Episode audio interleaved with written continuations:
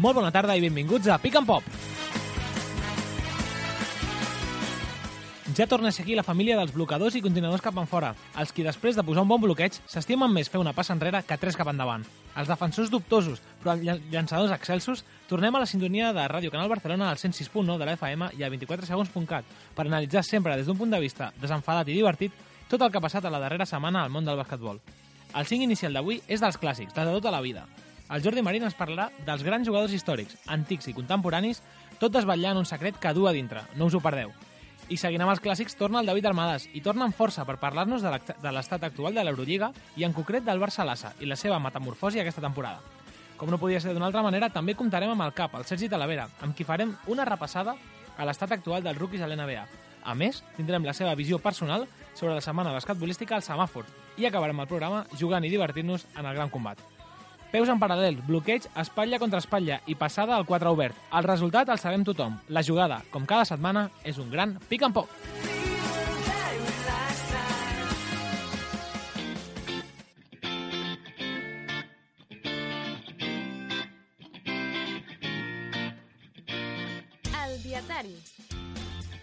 Dissabte. Joaquim Noah fitxa pels Memphis. Els Grizzlies aposten pel jugador francès per donar descans a Marc Gasol. Diumenge. El Barça s'imposa al Real Madrid per 86 a 69 en un clàssic marcat per la cancel·lació de l'acte de retirada de samarreta de Navarro a causa de la mort del seu pare. Dilluns. Greg Popovich critica durament Kawhi Leonard, l'acusa de no ser un líder a la pista, com si ho van ser Ginobili o, atenció, Patty Mills. Dimarts. Javi Beirán és el nou MVP del mes de novembre amb 21 punts de valoració de mitjana. Dimecres. Els Cavaliers traspassen Kyle Korver a Utah Jazz a canvi d'Alec Burks i dues segones rondes del draft. Dijous. El CSK guanya contra el Madrid per 93 a 88 a domicili i lidera en solitari l'Eurolliga amb 9 victòries i una derrota. Divendres. La web de l'Eurolliga falseja les dades d'assistència de diversos partits de l'Herbalife Gran Canària. RKB, 106.9 FM, la ràdio que t'envolta.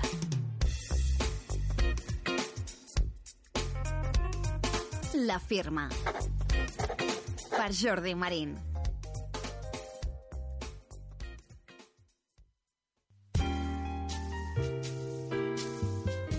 Bona tarda, família Pick and Pop.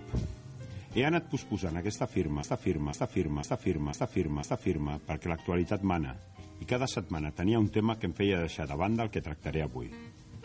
Fa unes setmanes, l'Ebron va superar Chamberlain en nombre de punts anotats a la NBA, i ara ja és el cinquè, i cada dia és més a prop de superar Michael Jordan i convertir-se en el quart. Molts dels col·laboradors del programa s'han manifestat sobre els seus equips NBA, sobretot el Sergi, que cada cop que pot parla dels Celtics. Doncs finalment, després de dos anys i mig fent aquesta secció, us diré que jo sóc Laker. És per una raó d'edat, en la meva adolescència, moment en què probablement es mitifiquen les situacions, a mi no em van enlluernar el joc europeu i seriós dels Ainge, McHale, Bird i Parrish, sinó el showtime de la màgia de Magic Johnson. Si ens està escoltant l'amic Jordi Parramon, que n'estic segur que sí, jo també crec que Magic ha estat el millor jugador de la història. Doncs bé, anem per feina. Sis dels vuit màxims anotadors de l'NBA han vestit la samarreta groga de Laker. Karim Abdul-Jabbar, el primer, Karl Malone, el segon, Kobe Bryant, el tercer, LeBron, el cinquè, però suposo que el quart aviat, Will Chamberlain, el sisè, i Shaq O'Neal, el vuitè. Només Jordan, que és el quart, aviat el cinquè, i Dirk Nowitzki, el setè, mai no han jugat a l'equip californià. Sé que he fet una mica de trampa, sobretot en Carmelon, que només va lluir la nostra samarreta la darrera temporada de la seva carrera, i potser amb l'Ebron, que ha arribat als Lakers amb la carrera ja força avançada. Però crec que és important destacar aquesta dada. No només som la segona franquícia amb més anells de la NBA, només a una dels amics del Sergi, sinó també, per a la nostra pista, han passat la crem de la crem dels jugadors de la NBA. Quan els gossos borden, alguna cosa senten. O com dirien en castellà, algo tiene el agua cuando la bendicen. Espero ràpida resposta del, Ger del Sergi per la firma i del Roger pel refrany. Bé, doncs em sembla que ja per al·lusions no cal ni, ni dir res més. Sergi Talavera, eh, què li bona has de tarda, contestar? primer de tot, bona tarda. No, està bé, eh, perquè aquí s'ha s'ha creat no, això que només parlo jo dels Celtics, jo, si, si ens posem a recomptar i escoltar programes eh, antics, eh, es parla dels Celtics, o sigui, per, Per fer mal. no, no per fer mal, sinó per, eh, per veu d'altres, o sigui, treuen el, te el tema d'altres eh, abans que jo, però bé. Eh, està bé, o sigui, està bé... Ara que, que eh, després d'uns quants anys on, on els Lakers sembla que, que no existien, o sigui, tornem a, tornem a ensalzar-nos, no? Eh, primer de tot, o sigui, hi ha diversos temes que, que vull mencionar, anirem per parts. Eh, el Jordi ha mencionat no, que entre el joc europeu d'aquells Celtics de Danny Ainge, de Larry Bird i companyia, eh, i el Showtime dels Lakers, o sigui, es quedava amb el Showtime, està bé o sigui, escoltar-ho perquè o sigui, jo he escoltat molts cops aquí a Pick and Pop eh, quan es parlava de NBA, de l'espectacle i tot això, eh, que es trobava a faltar el, jo el joc europeu. O sigui, es, es destacava equips com, eh, com, com Utah, que tenien un joc més així europeu, ara resulta o sigui, que, eh, que allò que en, aquell, en el seu moment no, no es portava moda, doncs ara, ara sí, no? Eh, està bé, està, està bé saber-ho. Eh, més coses, o sigui, jo sóc, ho, ho he dit des del primer dia dels Celtics, No, quina sorpresa, sí, sí, eh? però eh, hi ha comentaris o sigui, del, del, del grup de, del, del WhatsApp, o sigui, que els, no diríem d'aquí, però que els, els Celtics són una, una mentida, però per ser una mentida, o sigui, hi ha molta gent que se'n recorda i molt sovint. Eh, jo, jo no, no sé quants cops, o sigui, en els eh, darrers temps he mencionat els Lakers i els últims anys eh, donaven per, eh, per sucar i pa, eh? Però bé, o sigui, està bé tenir a l'Ebron, aquest any competir per almenys playoff, i bé, gaudir després d'uns quants anys eh, de patiment, doncs que, que, gaudem, eh, que, que gaudeixin. Eh, jo seguiré gaudint dels Celtics. De moment encara no massa, perquè l'inici de temporada eh, està sent Complicat. bastant... No, no complicat, sinó bastant negatiu, o sigui, no, no estan trobant la, la bona dinàmica, no, no estan trobant o sigui, la, la, la forma de jugar dos partits seguits eh, de forma, de forma bona. Per tant, o sigui, a veure, a veure, jo simplement de, que els aficionats dels Lakers, com és el Jordi, que gaudeixin, a veure fins on els porta l'Ebron, i jo seguiré eh, gaudint de, dels meus eh, vers.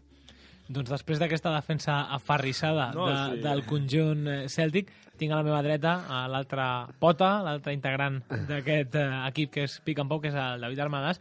David, bona tarda. Molt bona tarda. Sorpresa també amb el color de la teva samarreta, amb el Sí, nom que tenim aquí posat ben gran i bé, si jo fos dels Lakers, que no ho soc, em sentiria una miqueta arraconat. ara mateix.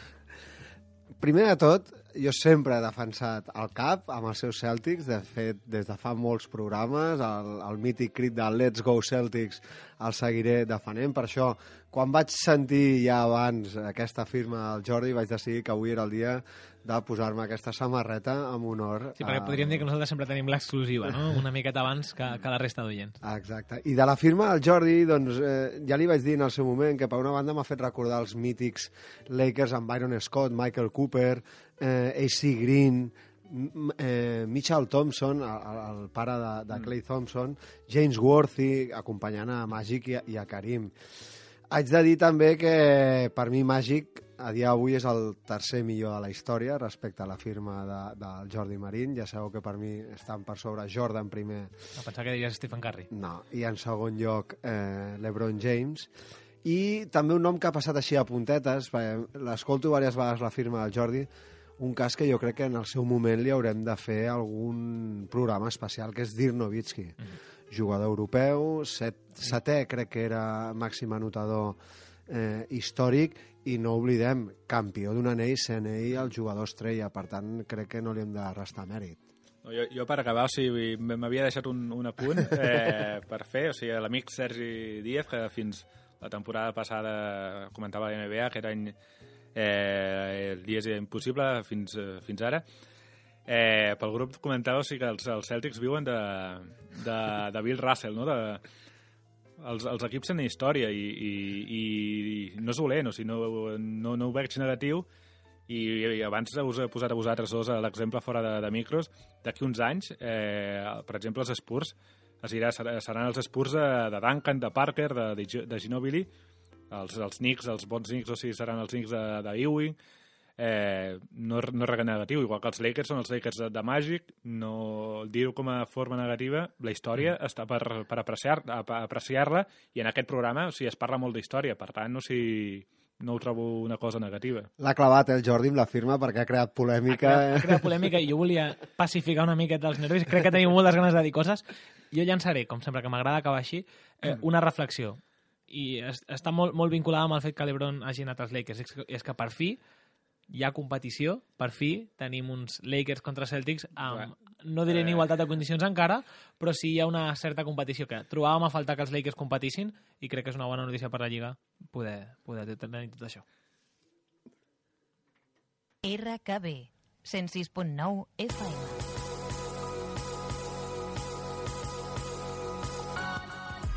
El semàfor. I amb aquesta reflexió passem al semàfor, aquest, aquesta secció que hem estrenat fa, fa pocs dies i en la qual el Sergi Talavera ens analitzarà una miqueta les seves sensacions, les seves opinions sobre els diferents, les diferents notícies que han anat passant durant la setmana del bàsquet. Així que comencem la secció. Vermell. Doncs el punt negatiu d'aquesta setmana eh, li dono a les finestres FIBA, eh, no per, per, per diversos eh, factors. Eh, principal, eh, es va crear aquesta, eh, aquest paral·lel, paral·lelisme amb el futbol no? per, per, perquè per, la gent pogués gaudir de, de, de les eleccions i sincerament jo, per exemple, en aquestes eh, la finestra que, que s'està disputant en aquests moments, aquesta setmana està passant molt desapercebuda. I si ho comparem amb, amb jornada Eurolliga eh, ja no et dic NBA doncs eh, costa molt. O sigui, sé que si, si entres a Twitter o a la webs esportiva saps que Espanya ha perdut eh, de poc, però ha perdut, però poca co cosa més. O sigui, Saps que Argentina sí. juga a la Provitola i poc més. Sí, saps que... No, i un altre detall, o sigui, per, pel qual li dono el semàfor vermell, o sigui, el punt negatiu, és eh, seleccions com Eslovènia, on, jugador, on no tenen la, el repertori de jugadors com, seria, com pot ser tenen Espanya, doncs es perdrà el proper Mundial i, els, i el proper eh, Jocs Olímpics, els de Tòquio, perquè les seves estrelles i, i els seus jugadors referents no poden disputar aquests partits perquè juguen Euroliga o NBA. Per tant, eh, una, una competició, dos comp competicions com seran Mundial o Jocs Olímpics, ens quedarem sense veure el que serà segurament eh, un jugador eh, destacat del món del bàsquet com serà Doncic. És que ja ho vam parlar també la temporada passada, jo crec que la FIBA s'equivoca intentant competir amb una Eurolliga amb totes les seves estrelles. Eh, a mi em va passar ahir alguna jo vaig desconnectar, volia veure Eurolliga i aquest matí algú m'ha comentat escolta, Espanya hi va perdre i ho havia oblidat. És a dir, jo, jo em considero un malalt del bàsquet, però com estava centrat en altres coses, jo crec que s'equivoquen totalment. No, és, uh, si ho compares amb el futbol, doncs quan es para, quan es para la, la Lliga o així, tot es centra en la selecció i saps qui va, que hi ha les polèmiques de qui va i qui no deixa anar. Clar, quan, en el cas del bàsquet, quan, deixa, quan es para la lliga, les lligues domèstiques però per jugar partits de seleccions, la gent parla de, de dels partits d'Eurolliga i NBA i no, ningú pa, o sigui, molt poca gent parla d'aquests partits de seleccions. Per, per això li dono el semàfor vermell. Molt bé, doncs continuem. Àmbar. Doncs l'àmbar, o sigui, no estava, no estava pensat, però, però mira, ve, ve al cas avui, o sigui, és per l'Ebron James. L'Ebron James, per què? Eh, perquè ja han sortit notícies eh, on sembla que l'Ebron s'ha agafat el, el, el comandament de l'equip perquè no sé si la relació amb, eh, amb Luke Walton eh, no és massa bona o, no, o a l'Ebron no li agrada massa eh, com fa la, les coses a l'entrenador de, dels Lakers i li, i li dono aquest punt a l'Àmbar, o sigui, l'intermig, perquè destacar el lideratge eh, d'aquest jugador, de l'Ebron, ho, ha, ho ha demostrat eh, els darrers anys, però també és per eh, reflexionar si mirem els equips de l'Ebron i els entrenadors eh, és curiós, o sigui aquest any, o sigui, veurem que, com, acaba, com acaba la cosa aquest any amb uh, Walton, no? També es va especular, eh, no fa gaire, o sigui, quan als principis perdien molts sí. partits, inclús el Magic eh, Johnson va, va deixar anar a veure si, la, eh, posant en dubte la continuïtat de, de l'entrenador. I també s'hauria de veure una cosa, i és que precisament has dit el nom de Magic Johnson. És, una, és un personatge amb un ego eh, força gran, també tenint en compte l'Ebron James, i s'haurà de veure eh, ja no tant entre l'Ebron i l'entrenador, que ja sabem la, la situació i, i la pinta que té, però sobretot aquesta possible batalla d'egos en un futur entre Màgic i, i el propi l'Ebron. sí, jo ho trec aquest nom ser perquè trobo que la figura d'entrenador per qualsevol equip és molt important. Eh, han, eh, han sortit aquests rumors ara de, de, de, de Walton amb, amb, amb l'Ebron. Si mirem endarrere, no cal mencionar Tyron Lue, que estava allà, o sigui, era eh, un luxus i poder estar a primera fila de, per veure els partits, però sabíem que el que prenia gairebé totes les, les decisions era l'Ebron.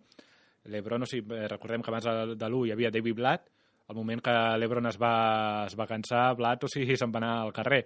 I si, si tirem més enrere a l'època de Miami, eh, quan no es guanyava, o sigui, els, els, el primer any que no, que no van poder guanyar l'anell, també va, va haver-hi molt debat amb, amb el, amb el, o sigui, amb el valor de, o sigui, el nivell de Spoelstra, inclús o sigui, Tot i es que va sí que molt... Ha demostrat Sí, amb sí, els clar. anys que és un grandíssim entrenador. Clar, però en aquell seu moment, o sigui, seu es posava eh, molt en dubte la, la, la, la vàlua d'aquest entrenador, inclús, o sigui, això, que els, els, el Big Three en aquell moment, eh, LeBron, Wade i, i Boyce, eren ells qui gestionaven la- la- l'equip. Per tant, o sigui, em sembla curiós que l'Ebron, o sigui, eh, la relació entre l'Ebron i, i, i els entrenadors. I, I ho he dit, o sigui, crec que la funció d'un entrenador és molt important. Per exemple, els Warriors, que tenen jugadors, o sigui, de grandíssims jugadors, eh, trobo que la mà de l'entrenador és, és, és clau per jugadors de la banqueta, jugadors que eh, segurament en un altre equip eh, tindrien una altra funció, jugadors com Livingston, eh, Iguodala, eh, jugadors aquest any com eh, Jerebko, un jugador uh -huh. que, que diries, vale, molt De bé, rol. què? Doncs, o sigui, quan surten saben molt bé el que fer. I què es, que, què es queixava l'any passat, o sigui, els últims anys de l'Ebron? Que, el, que els l'envoltaven no, no complien. Potser si, si tenia un entrenador que sàpiga treure el màxim rendiment de, de tots els jugadors, li afavoriria a, ell i, i a l'equip en general. També ha demostrat l'Ebron amb els anys que ha anat canviant la seva manera de jugar, la seva manera d'interpretar el joc. Potser aquest però- és el seu gran canvi que li falta per fer i per acabar Sí, de ser perquè sí, molt bé el lideratge, però és molt complicat també eh, eh, analitzar un partit mentre estàs a la, a la, a la pista, de, de dominar totes les, les coses. Molt bé, ara passem a la notícia més positiva. Verd. eh, és per un jugador del Chesca de Moscou que eh, eh, no havia, havia sentit o sigui, la, la dada, però ahir la vaig veure, la vaig posar-m'hi a buscar-la, és Alec Peters, és impressionant, o sigui, el, eh, o sigui l'encert des de la línia de 3. Eh, un, més un 60%, un 66%, 21 triples de, de 33 llançats en l'Eurolliga, o sigui, em sembla un jugador de 2 metres 6, I a més defensat. Sí, sí, sí. Eh, I és curiós, o sigui, els dos primers partits d'aquesta competició, de, de l'Eurolliga d'aquest any- eh, va jugar menys de 10 minuts i no en va, no, no en van llançar cap. Però des de llavors, eh, el tercer partit en va llançar 8, amb un 3 a 8, o sigui, una mica menys d'un 50%, però des de llavors, o sigui, cada partit té mínim un 50% eh, d'encert des, de des de la línia de 3. Per tant, o sigui, em sembla molt destacable. I he mirat els punts totals que porta aquest jugador a l'Eurolliga, són 80, 21 triples, 63 punts des de la línia de 3. Aquí també eh, potser li hauríem de donar un pal, o sigui, per un jugador de, de 2 metres 6, potser també hauria de, de portar més de, des de prop de cistella. Està molt bé que el llançament, i segurament o sigui, aquest encert també hauria de provocar eh, que atra- atragués més l'atenció, fintes i anar, i anar cap a dintre, no? Però em sembla molt destacable eh, un, més d'un 65% des de, des de la línia de 3 en una competició com és l'Eurolliga. Doncs amb aquest nom, en Peters, ens quedem. uh, Jo crec que ja va... En, en el, el podem posar en el calaix de, dels jugadors destacats Ara és del quan nostre començarà a fallar, programa. ara és quan començarà a fallar i, em, i serà culpa meva. Però només per tenir aquest esperit eh, el podem encabir perfectament a l'esperit del pick and pop. Continuem. RKB, la ràdio que t'envolta.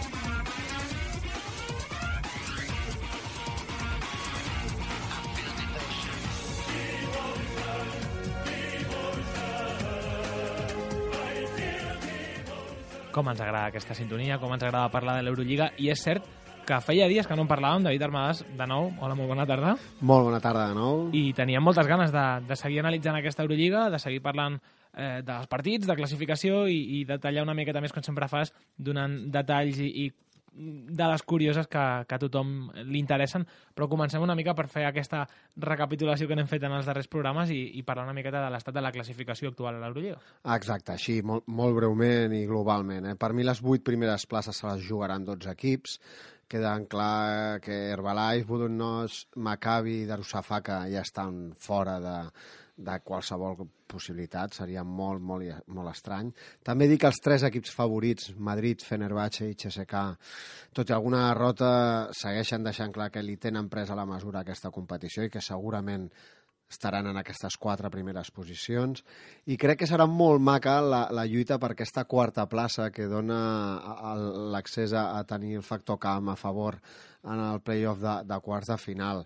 Per tant, quedarien 12 equips, que a més ara ho comentarem més endavant, em donaran la raó perquè amb els resultats que s'han donat avui encara s'apreta una miqueta més la, la classificació entre aquests 12 i bé, aquest, així és com jo crec que de moment està encara ens queda una Eurolliga de 12 equips ara mateix Molt bé, doncs eh, eh, seguim? Eh, És el titular, no, aquest? Sí. Exacte. Nivell, sí, de, sí. nivell d'apostes? Nivell d'apostes, eh, jo crec que Olimpia Milano cada vegada anirà punxant més. Eh, ja s'ha notat la seva habilitat, parlàvem del seu calendari. També crec que és el Guiris anirà cap a més, eh, que és un equip en creixement, i que el Barça pot aprofitar aquesta benentesa per poder lluitar per aquesta quar- quarta plaça. Ja no dic per playoff, crec que tal com ho ha encarat el playoff ho hauria de fer molt malament per perdre'l, però sí potser poder lluitar ja com s'estan plantejant les coses aquesta quarta plaça. FS Pilsen està fent-ho molt bé. Jo també penso que Olimpiakos anirà cap, a, cap amunt, també, a mesura que, que vagi avançant la Sí, competició. Olimpiakos el que té és que, donat que té un estil molt més obert que altres anys, segurament tindrà alguna derrota més. El fet de que apretés tan a, a darrere en defensa els darrers anys li assegurava moltes victòries.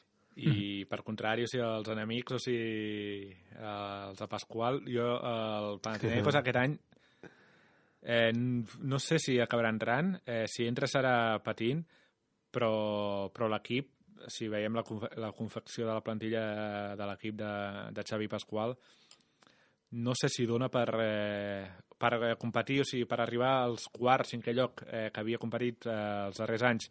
Jo crec que no. Eh, si els que estan a per damunt seu ara mateix segueixen a aquest nivell, no crec que arribi.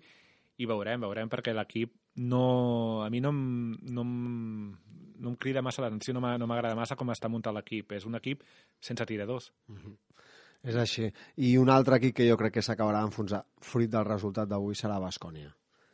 Molt bé, doncs Ara uh, el comentarem, sí. parlant precisament d'això, agafem l'assistència i passem a, a analitzar una miqueta els resultats de la, de la jornada d'ahir i amb els partits que hi haurà en joc eh, per avui. Comencem amb els d'ahir. Gran victòria d'Herbalife a Turquia contra la Rusafaka. Són partits que podien treure, van rascar molt bé, final apretat, eh, el van saber solucionar. Molt bé, els felicito. Sí, sorprenent, no sé, perquè el descans perdien de 10 i... Ah, o Sembla que aixequen una miqueta el cap. Eh, el Balai també ha... A vegades aquests equips Ah, agafen el ritme i després els hi va bé per la Lliga Domèstica, que de moment també els està penalitzant moltíssim. Zalgiris, digues, digues. No, el problema és que, eh, a diferència de, de l'Eurolliga de fa uns anys, eh, aquesta Eurolliga fins a, arriba fins a l'abril Uh -huh. i has de combinar aquest, les dues competicions. Per tant, o sigui, allò, si agafes bones sensacions però s'acabés, o sigui, que quedessis fora el mes de, posem, de desembre, gener, doncs tindries el tram final de, de temporada per centrar-te en la Lliga. No és així i, i això crec que li pot guanyar fort a, a Eurolliga partits, però també, li, com has dit tu, li pot, eh, li pot afectar, el, sobretot físicament, a, la Lliga endesa. Uh -huh. Zalgiris Kaunas va agafar aire a casa guanyant a Milano, 83-78, que suma la seva segona derrota consecutiva a la carretera. Maccabi, amb Esferopoulos, eh, per aquells que no ho sàpiguen, s'ha fet el, amb l'equip, eh, van destituir Spagia a la banqueta, es van fer forts a casa i van destrossar el Bayern 95-71. El Bayern jo crec que serà el típic equip que a casa podrà treure resultats i a fora segurament patirà. I en el darrer partit d'ahir eh, jo el vaig veure, ho reconec, un partidàs. Vas xalar, vas gaudir. Sí, sí, moltíssim. Un CSK que va guanyar el Wishing Center 88-93 i encara vaig gaudir més perquè podia arribar avui i dir, veieu com Corey Higgins és molt i molt bo, o sigui, es va sortir, inclús sense el protagonisme tant de De Colón en moments puntuals, ell va absorbir molt de joc, i, i bueno, jo crec que una molt bona victòria als russos a, a Madrid. Sí, s'ha de, dir, de dir que el Madrid té la baixa eh, de Llull, encara no, no, no ha pogut disputar els, els, els darrers partits. Jo crec que és una baixa clau. Clar, però a mi em preocupa el Xesca i és el, la imatge o sigui, del Xesca dels, dels últims anys és la desconnexió que hi ha després, al final del primer quart, segon quart, que li van fer un parcial de... Però, però pot ser comprensible perquè ahir faltava el Chacho i llavors va sortir a segon base Colaguin. Eh, es notava quan no hi havia un dels bases amb més minuts a, a pista. Clar, però és un tret, o sigui, ja que porten el Xesca... Ja... I que després té aquesta influència tan gran quan arriben a Final Four i a, i a playoff on, on realment pateixen Sí, per sí, aquest sí, tipus sí. de coses. Eh, dels partits de- d'avui, s'han jugat a les 6 el Himki Panathinaikos amb victòria pels de Barzocas, 76-68, i a dos quarts de set ha començat l'Efes Bascònia, que encara no ha acabat, però amb resultat actualitzat ara mateix de 96-85 eh, en aquest quart, però s'ha de dir que el tercer quart ja ha acabat amb 80 i pico per part d'Efes Pilsen.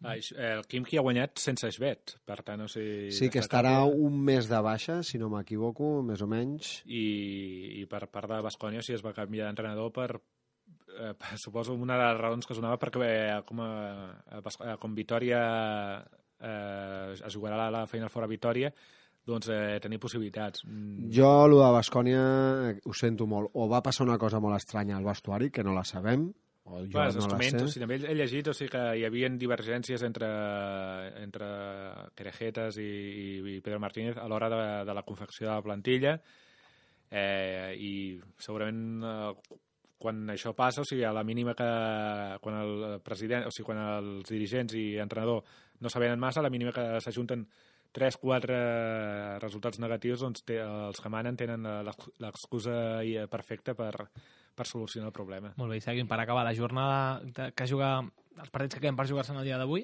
Ah, exacte. A dos quarts de nou, és a dir, en dos minuts comença Olympiacos Budućnost i a les nou tenim el partidàs entre Barça i Fenerbahçe que sortirem per potes aquí del programa per, per poder-lo veure. Fantàstic. Doncs fes d'aquesta anàlisi de resultats que, com dèiem, us devíem des de feia uns quants dies, ara entrem a la part de la secció Eurolliga que a mi personalment més m'agrada, que és quan el David comença a treure números, comença a treure estadístiques i comença a parlar en profunditat de, realment de, dels equips. I avui hem escollit un equip que ho està fent molt bé, que està sorprenent molt i sempre amb el Barça passa això, que hi ha molt escèptic i molta gent que no s'ho acaba de creure i posem sempre eh, tot sota sospita, però podríem dir que aquesta temporada hi ha brots verds en aquesta plantilla? Hi ha brots verds, No sé si és el millor, el millor exemple, eh?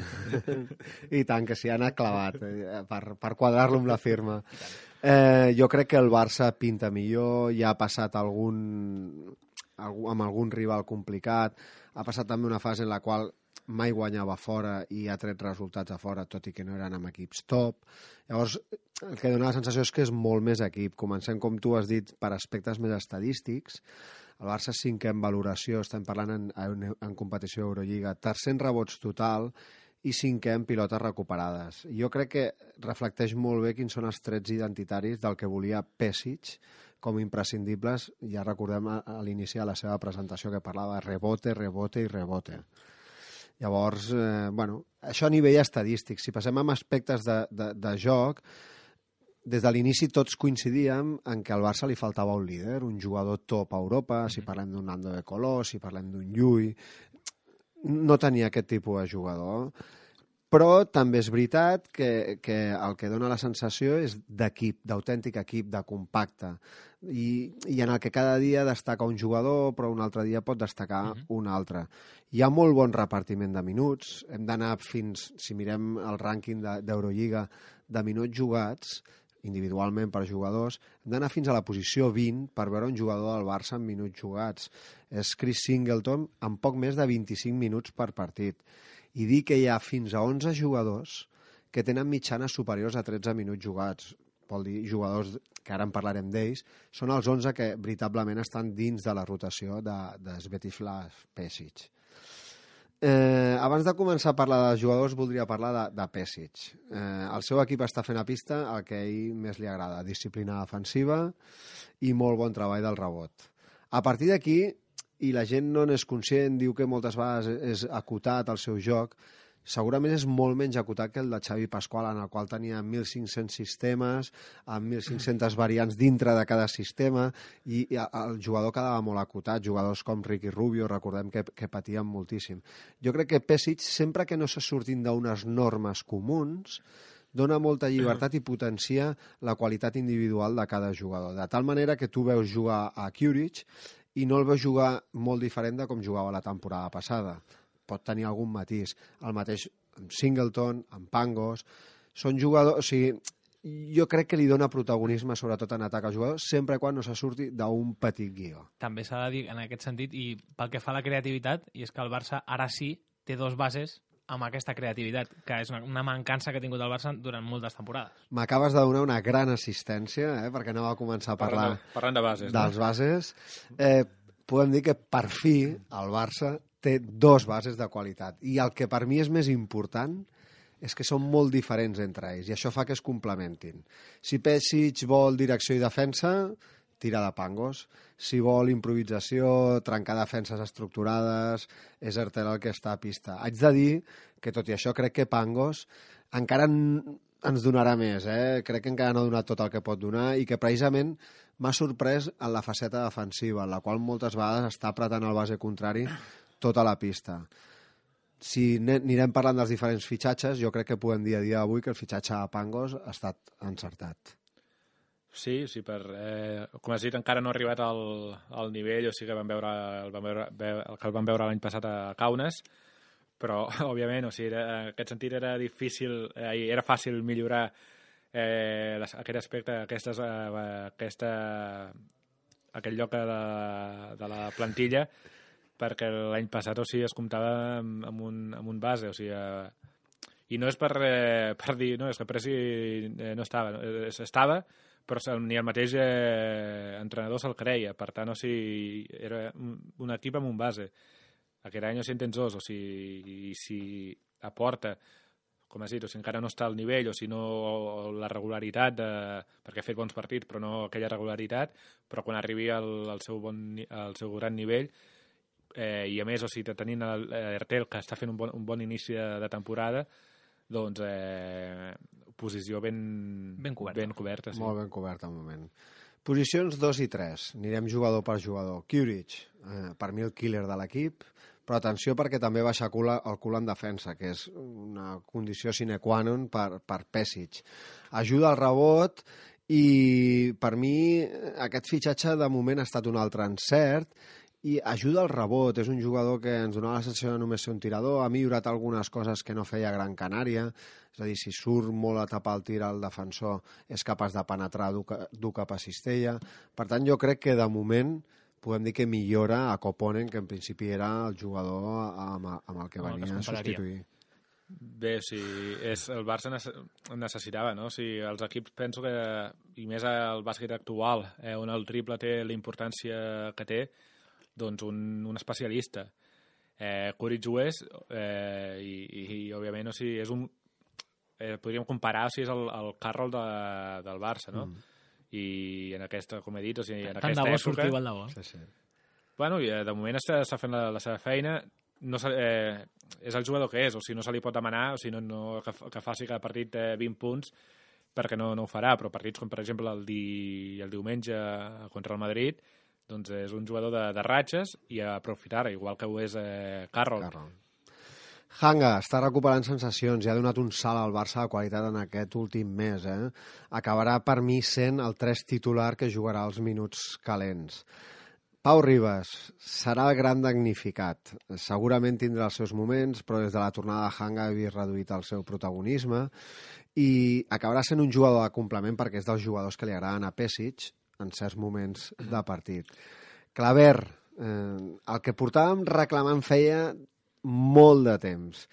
Jugador d'equip que dona coses interessants com a col·lectiu, ajuda molt al rebot, en defensa, inclús podríem dir, jo m'he estat fixant els darrers partits, està més agressiu a la seva penetració, una miqueta més d'agressivitat, i tot i que voldria destacar, per exemple, que tot i que no va ser Eurolliga, Pesic va trobar en ell un defensor en el qual a frenar Carroll en, a, en, el, en el darrer clàssic el diumenge passat a, a, al Palau Blaugrana, aprofitant el seu físic. Per tant, jo crec que aquest perfil de complement en el qual no li demanem a Claver que sigui el 3 titular i que sí aporti intangents a, a, a, a l'equip eh, és una bona opció per a ell.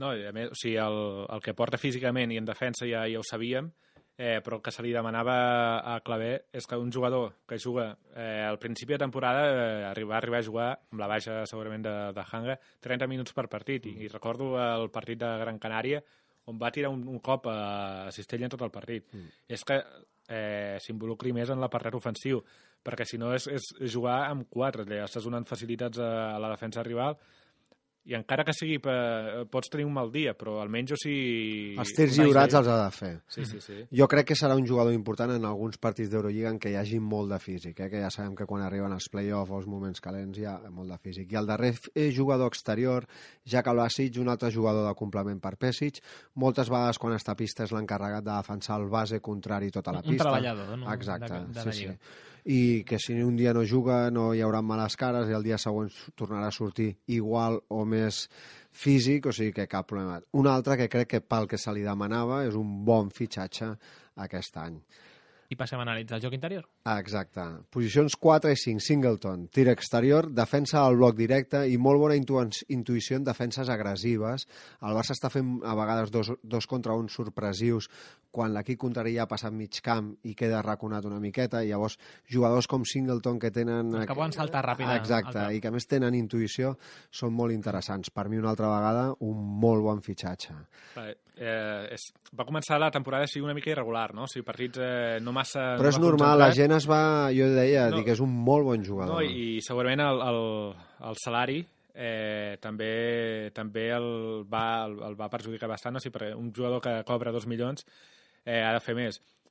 Eh, els que hem vist a Singleton els darrers anys sabem que no és un jugador que, que, no, que li donis la pilota i, i sigui ell el referent de l'equip, és un jugador d'equip, ho ha sigut a, quan va estar a Cuban amb, amb Randolph, a, a, amb Clavé, ho va ser, ho, va- ho va ser quan a Panathinaikos, és, és un jugador que et farà feina, però des de, des de l'equip, o sigui, no, no serà ell qui, eh, qui et generarà tot, o sigui, és un jugador que et fa la seva feina, però dintre de l'equip, dintre, dintre del treball de l'equip. Ah, exacte. Tomic està molt i molt fi.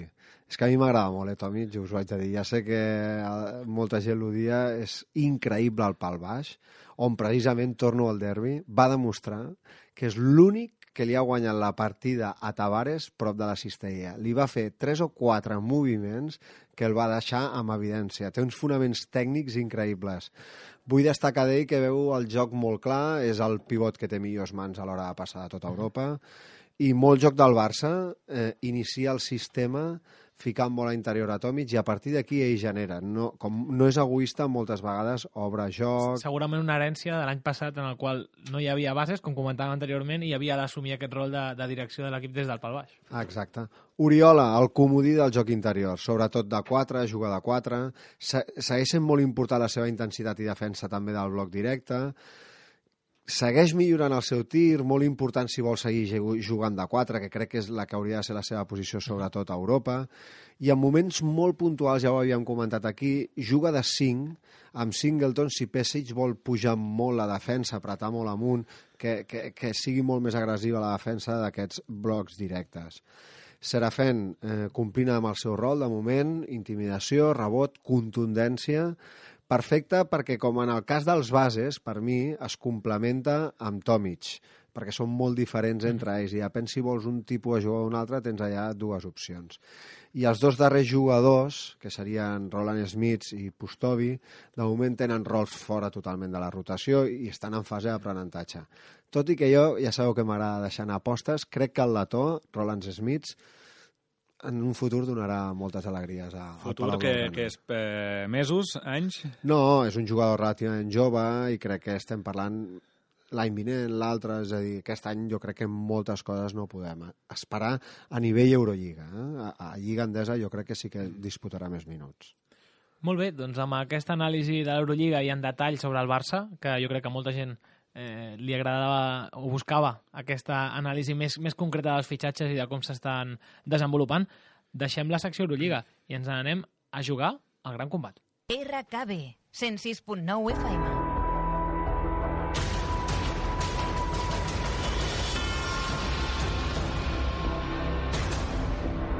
El gran combat.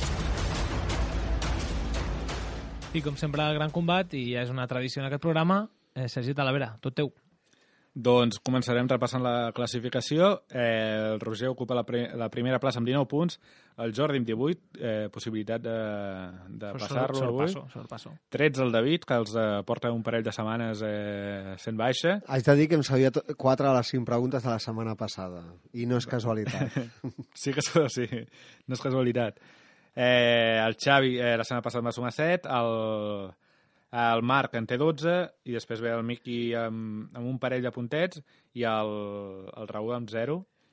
Però bé... Deixa, Eh, Perdona que t'interrompi, però m'encanta i, i em sembla que farem una foto i la penjarem al Twitter de eh, la classificació com l'estem portant. És un tros de paper ple de En, Igual, èpo sí. en època de tecnologia, perfecte, m'agrada molt. o sigui, tinc una, pant tinc una pantalla aquí al davant, o sigui, no, tampoc cal demanar més, no? Sí, però Eh, no, no tenim l'Excel, no tenim... Eh, la tecnologia no ha arribat a pic en poc, però arribarà. Sí que ha arribat, home, sí que Sí ha que no- sí, però tampoc no cal abusar d'ella, o sigui, podem, podem treballar amb les mans, o sigui que s'està perdent. Jo em pregunto, si perds el paper...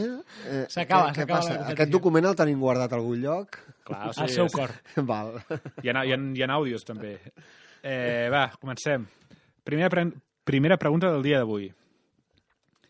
A dia d'avui, o sigui, avui 30 de, de novembre, quants equips de la NBA estan en balanç positiu? És a dir, quants equips tenen més victòries que derrotes? Bona, bona. És bona aquesta, sí. Més vict... O sigui, en 50% no val. Ah, sí, Balanç positiu. Val. No ha contestat. Balanç positiu és, més, ho, he, ho he dit, a la, Superior més, al més victòries, 50%. Sí, Sí, el clar. 50. Sí, sí. Segona, un jugador que he mencionat però que avui no, no ha jugat i com has dit el David està de baixa, Esbet és fins ara el màxim anotador d'aquesta Eurolliga i amb diferència.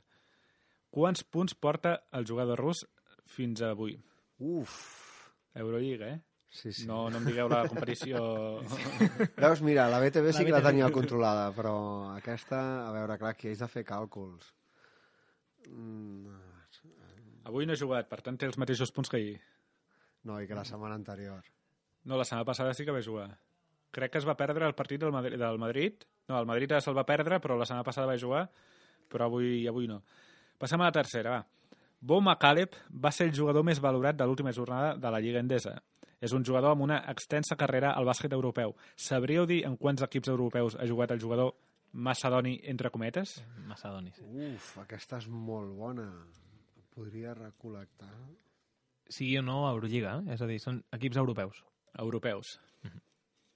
Ara mateix està jugant un equip que no juga a competició Per això deia. europea.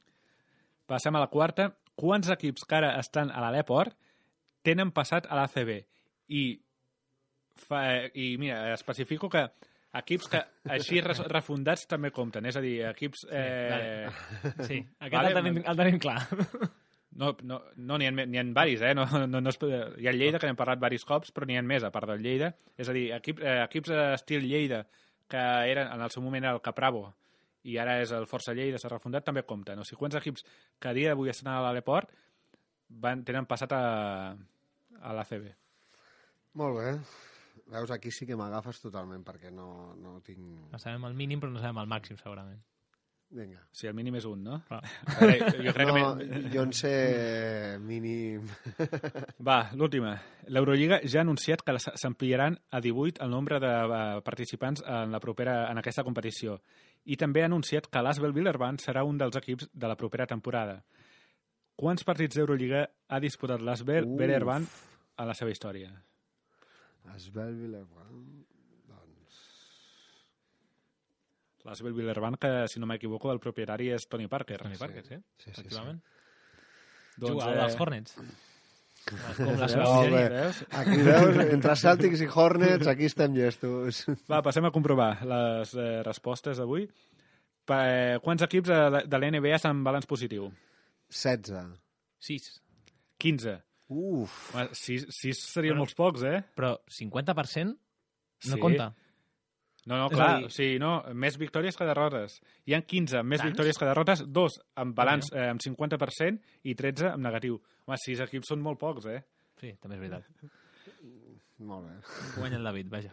Un puntet. Eh, quants punts porta Esbet a l'Eurolliga fins a dia d'avui? 150. 300, m'he passat, però... 202. Ix. 202. Havia posat 175 a l'inici. amb dos partits menys que, que la majoria de jugadors i amb, un, amb, una, amb una average, o sigui, una mitjana de 25 punts per partit. O sigui, Recordem és el jugador de més punts que valoració. Dos punts, eh, un altre puntet pel David, que ja en suma dos el dia d'avui. Equips doncs, de... Ho he comptat malament perquè he comptat 25 punts per 6 partits. Per Me n'he jugat mica. vuit. Val, veus? Però eh, ho, havia, ho havia comptat, eh? Eh, nombre, número d'equips eh, europeus en els que he jugat Bo Macaleb. Jo he posat 6. Jo 7. 8. Mersin, és un equip rus, el Mersin BB, Partizan, Montepaschi, Fenerbahce, Bayern, Limoges, eh, Llemotges, el Gran Canària i el Saragossa. 8 equips. Sí, senyor. Molt bé. Un puntet pel, pel Jordi. Eh, equips eh, que ara estan a l'Aleport han passat a CB. Eh, ja he mencionat que era igual que, que Podien si és un equip refundats. refundat, sí, que podien ser Quatre. refundats. 4 també. 8. Bueno, aquí ens assegurem un punt cadascú. Sí. I No hi ha els dic ràpidament. Sí. Betis, Lleida, Huesca, Bilbao, Granada, Valladolid, Ourense i Cáceres. Uf, Clar, molts equips històrics aquí, eh? Passem a la última. Partits de l'Asbel Villarban a l'Eurolliga al llarg de la seva història. L'any que ve, Perdó. Ja m'he tirat a la Va, digue-ho, digue-ho. Jo dic 1.000. Jo dic 42. 72. Clar, era fàcil, si amb el número que... És que el màxim de, de, l'Euro- de, de, de posat el moderna, l'equip que en té més són uns 480. És igual. Per Soc tant, molt optimista. Per tant, eh, el David eh, suma 6 punts avui i el, el Jordi un parell, no? Lamentable, sí. Per tant, eh, Jordi, et poses amb 20 punts Sí, i el. David amb 19, o sigui, 20, 19 i 19. Per falta de competència, però si Bueno, més no ho hem aconseguit una altra. Un s'ha de presentar a la, a la, al partit. Molt bé, després d'haver jugat una, una mica i haver fet una mica eh, el tonto entre tots, agafem el metro i marxem cap a l'NBA. RKB 106.9 FM, la ràdio que t'envolta.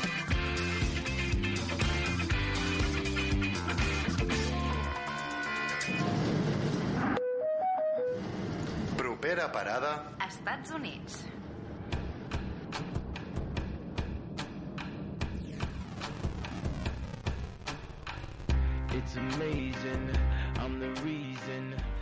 Com sempre, agafem el metro per marxar als Estats Units, costa est, costa oest.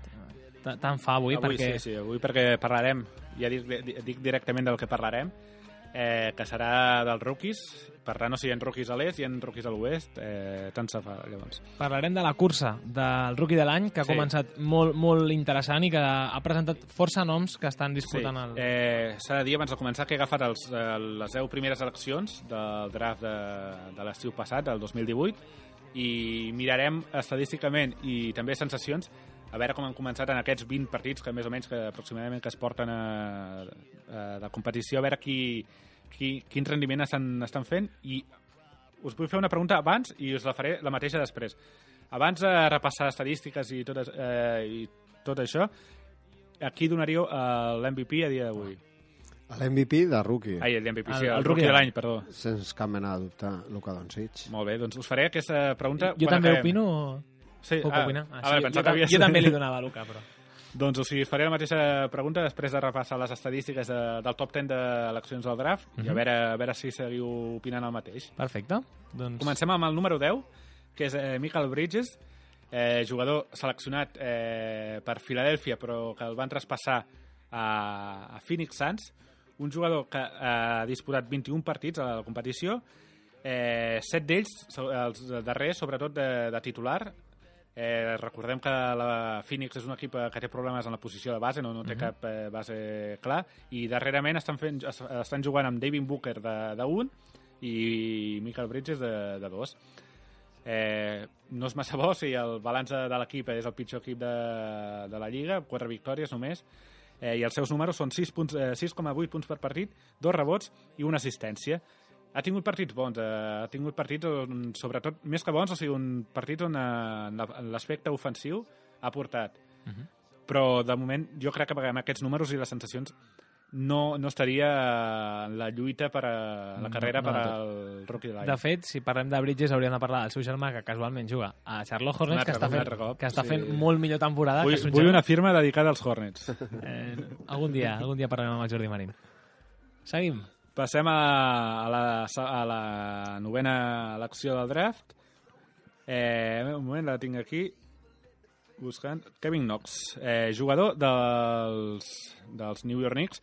És un jugador que en pretemporada va rendir molt bé. O sigui, és un jugador que va sorprendre, va fer grans actuacions, però, però que un cop començada la temporada, doncs eh, aquest, eh, com es diu allà, el hype, o sigui, eh, amb aquest jugador, inclús es deia o sigui, que estaria a la lluita per, a, per al rookie de l'any, doncs, i jo ara mateix, o sigui, almenys en aquests 16 partits que porta el jove jugador de 19 anys, no li queda molt lluny. Eh, De fet, ara donarem una dada, la tinc aquí, que, Digues. que l'he pogut trobar, dels Knicks, el rookie que amb més punts Sí, anotats porta a. Lliga no és eh, Knox, sinó que és Alonso Trier, un un jugador, jugador que no, no va estar... que no va passar draft. Sí, sí, sí. El jugador, Kevin Knox eh, ha jugat 16 partits, com he dit, 3 de titulars, 18 minuts per partit, pocs minuts en un Mhm. equip com és els Knicks, que no estan, no, estan o sigui, no, no tenen equip per, per eh, aspirar a playoff ni a competir per l'anell.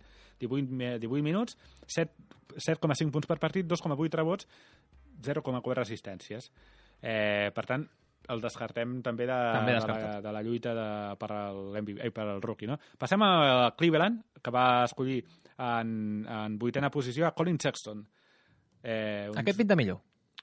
Bueno, eh, ha, tingut, ha tingut de tot. O sigui, recordem, és un jugador, un base. És un base que, mira, eh, números, eh, 20, pin- 20 partits ha jugat, 10 de titulars, una mitjana de 20, eh, 29 eh, minuts per partit. A prop de 15 punts per partit, 3,4 assistència, eh, rebots, 2,5 assistències. Ho he dit, és base. Un base amb 2,5 assistències eh, com que grinyola una mica. Jo ara el defensaré, i és que a Cleveland no té a, a ningú a qui passar-li la pelota, pràcticament, perquè El- amb, amb la- Kevin Love fora la és molt complicat, no? Trobar I un ara jugador. encara menys amb la marxa de Kyle Eh, jo un jugador que sortia després, com un tal Trey Young, qui té Atlanta al, al voltant. També- I, també I en té 7,5 per partit. Ah. I és un jugador que ha rebut moltes eh, crítiques pels seus companys perquè deien que no sabia jugar, o sigui que eh, de cara a 1 contra 1 sí, però que no sabia jugar a bàsquet. Mhm. eh, sembla que en els últims partits eh, Està notant titular, més, està jugant més. eh, més punts, però mm, de moment encara no el veig eh, lluitant per al rookie de l'any. Perfecte.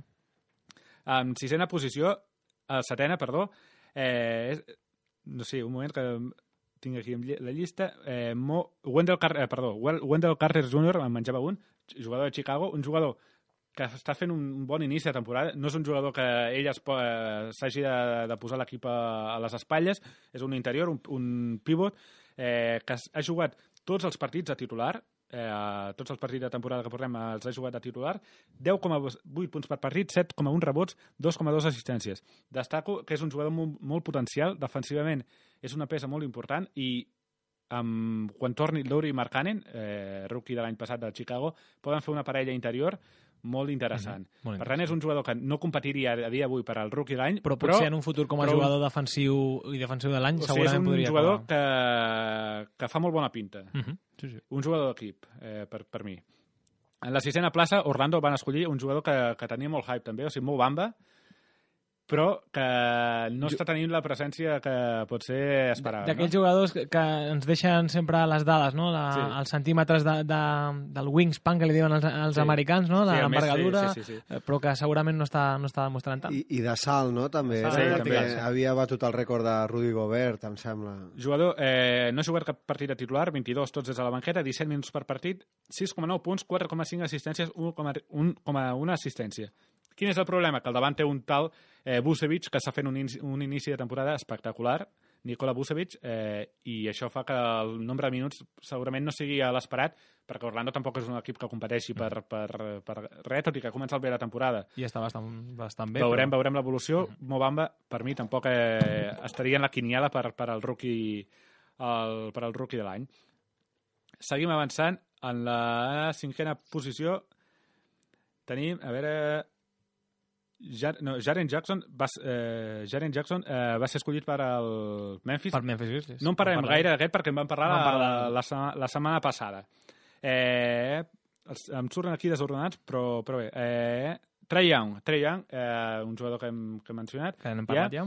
Eh, el va ser escollit per... Da, eh, per eh, Va estar no, escollit per inclòs Dallas, en aquesta jugada de Luka Doncic, va ser escollit per Sí. Dallas, però va ser traspassat Sí. I immediatament és un jugador que se'l comparava, o sigui, eh, se'l comparava amb Curry, no? Eh, per, el, tri- per al triple. Sobretot 25% en tir de 3 en el que portem de temporada. De moment, o sigui, és un aspecte que, que ha Però de millorar. tu comentaves anteriorment, està sorprenent des de la, la faceta de les assistències. Tots els partits de titular, 16 punts per partit, 7,6 assistències, 3 rebots.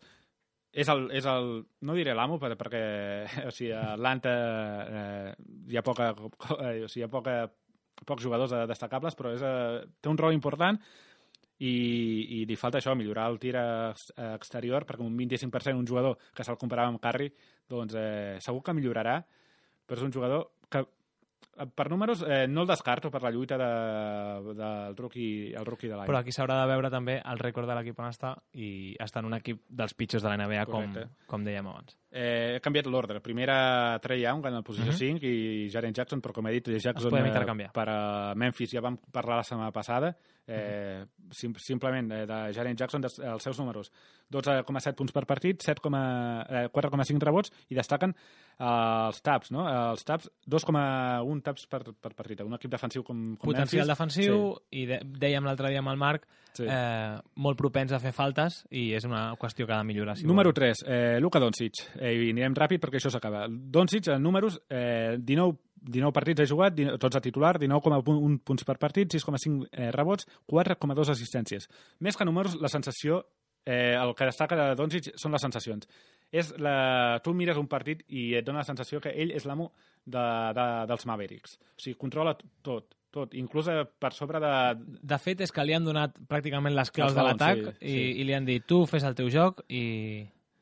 Però eh, eh, sorprèn el que no el coneix, però està fent el que, havia, el, que, portava fent el Madrid el que els dos darrers des de que anys. tenia 15 anys. Passem al, número- al número 2, Marvin eh, Bagley tercer, eh, jugador de Sacramento Kings, un equip que s'espera- Està està sorprenent, tot i que porta tres derrotes consecutives. Eh, jugador que ha sortit tots els partits des de la banqueta, però amb uns eh, bons números, 12,7 punts, 6,7 rebots, eh, una assistència per partit, eh, jugador que surt des de la banqueta. Números eh, per un jugador que surt de la banqueta i que juga 24 minuts per partit estan molt Està, bé. està prou bé.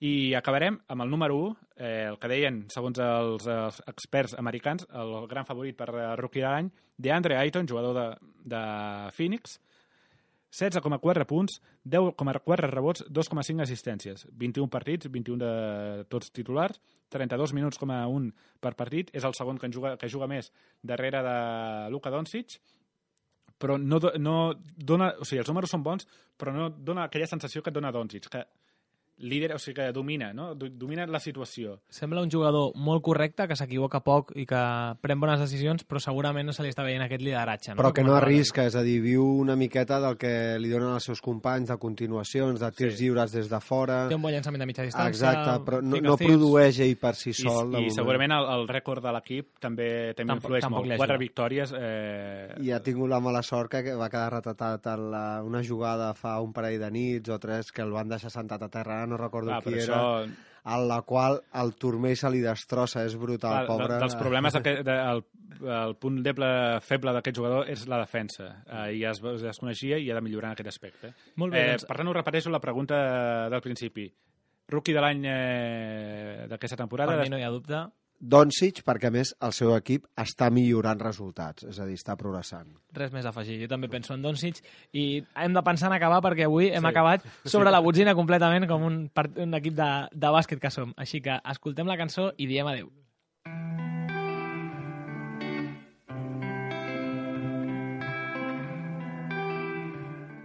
Doncs amb aquesta cançó d'Espancat, eh, que eh, s'anomena L'últim segon, us deixem. Avui, com dèiem, sobre la botzina, Sergi Talavera, pots respirar? Pots tornar a respirar una altra vegada? Eh, mm. Moltíssimes gràcies eh, per la teva participació, Un el David plaer. Amades també, el Jordi Marín per la firma, i com sempre, eh, ha estat un plaer estar una setmana més aquí al Pick and Pop. Descanseu, passeu un bon cap de setmana i segueu connectats perquè ara ve els de Besos de Colores Magazine. Molt bona tarda a tothom, bona nit. en artes camins que no vam anar Deixar les veles en un mar foguera tornarte a besar. Y rebobinar, encendreste llaves sin no pensar, tocarles estrellas y tremolar, sin foguera tornarte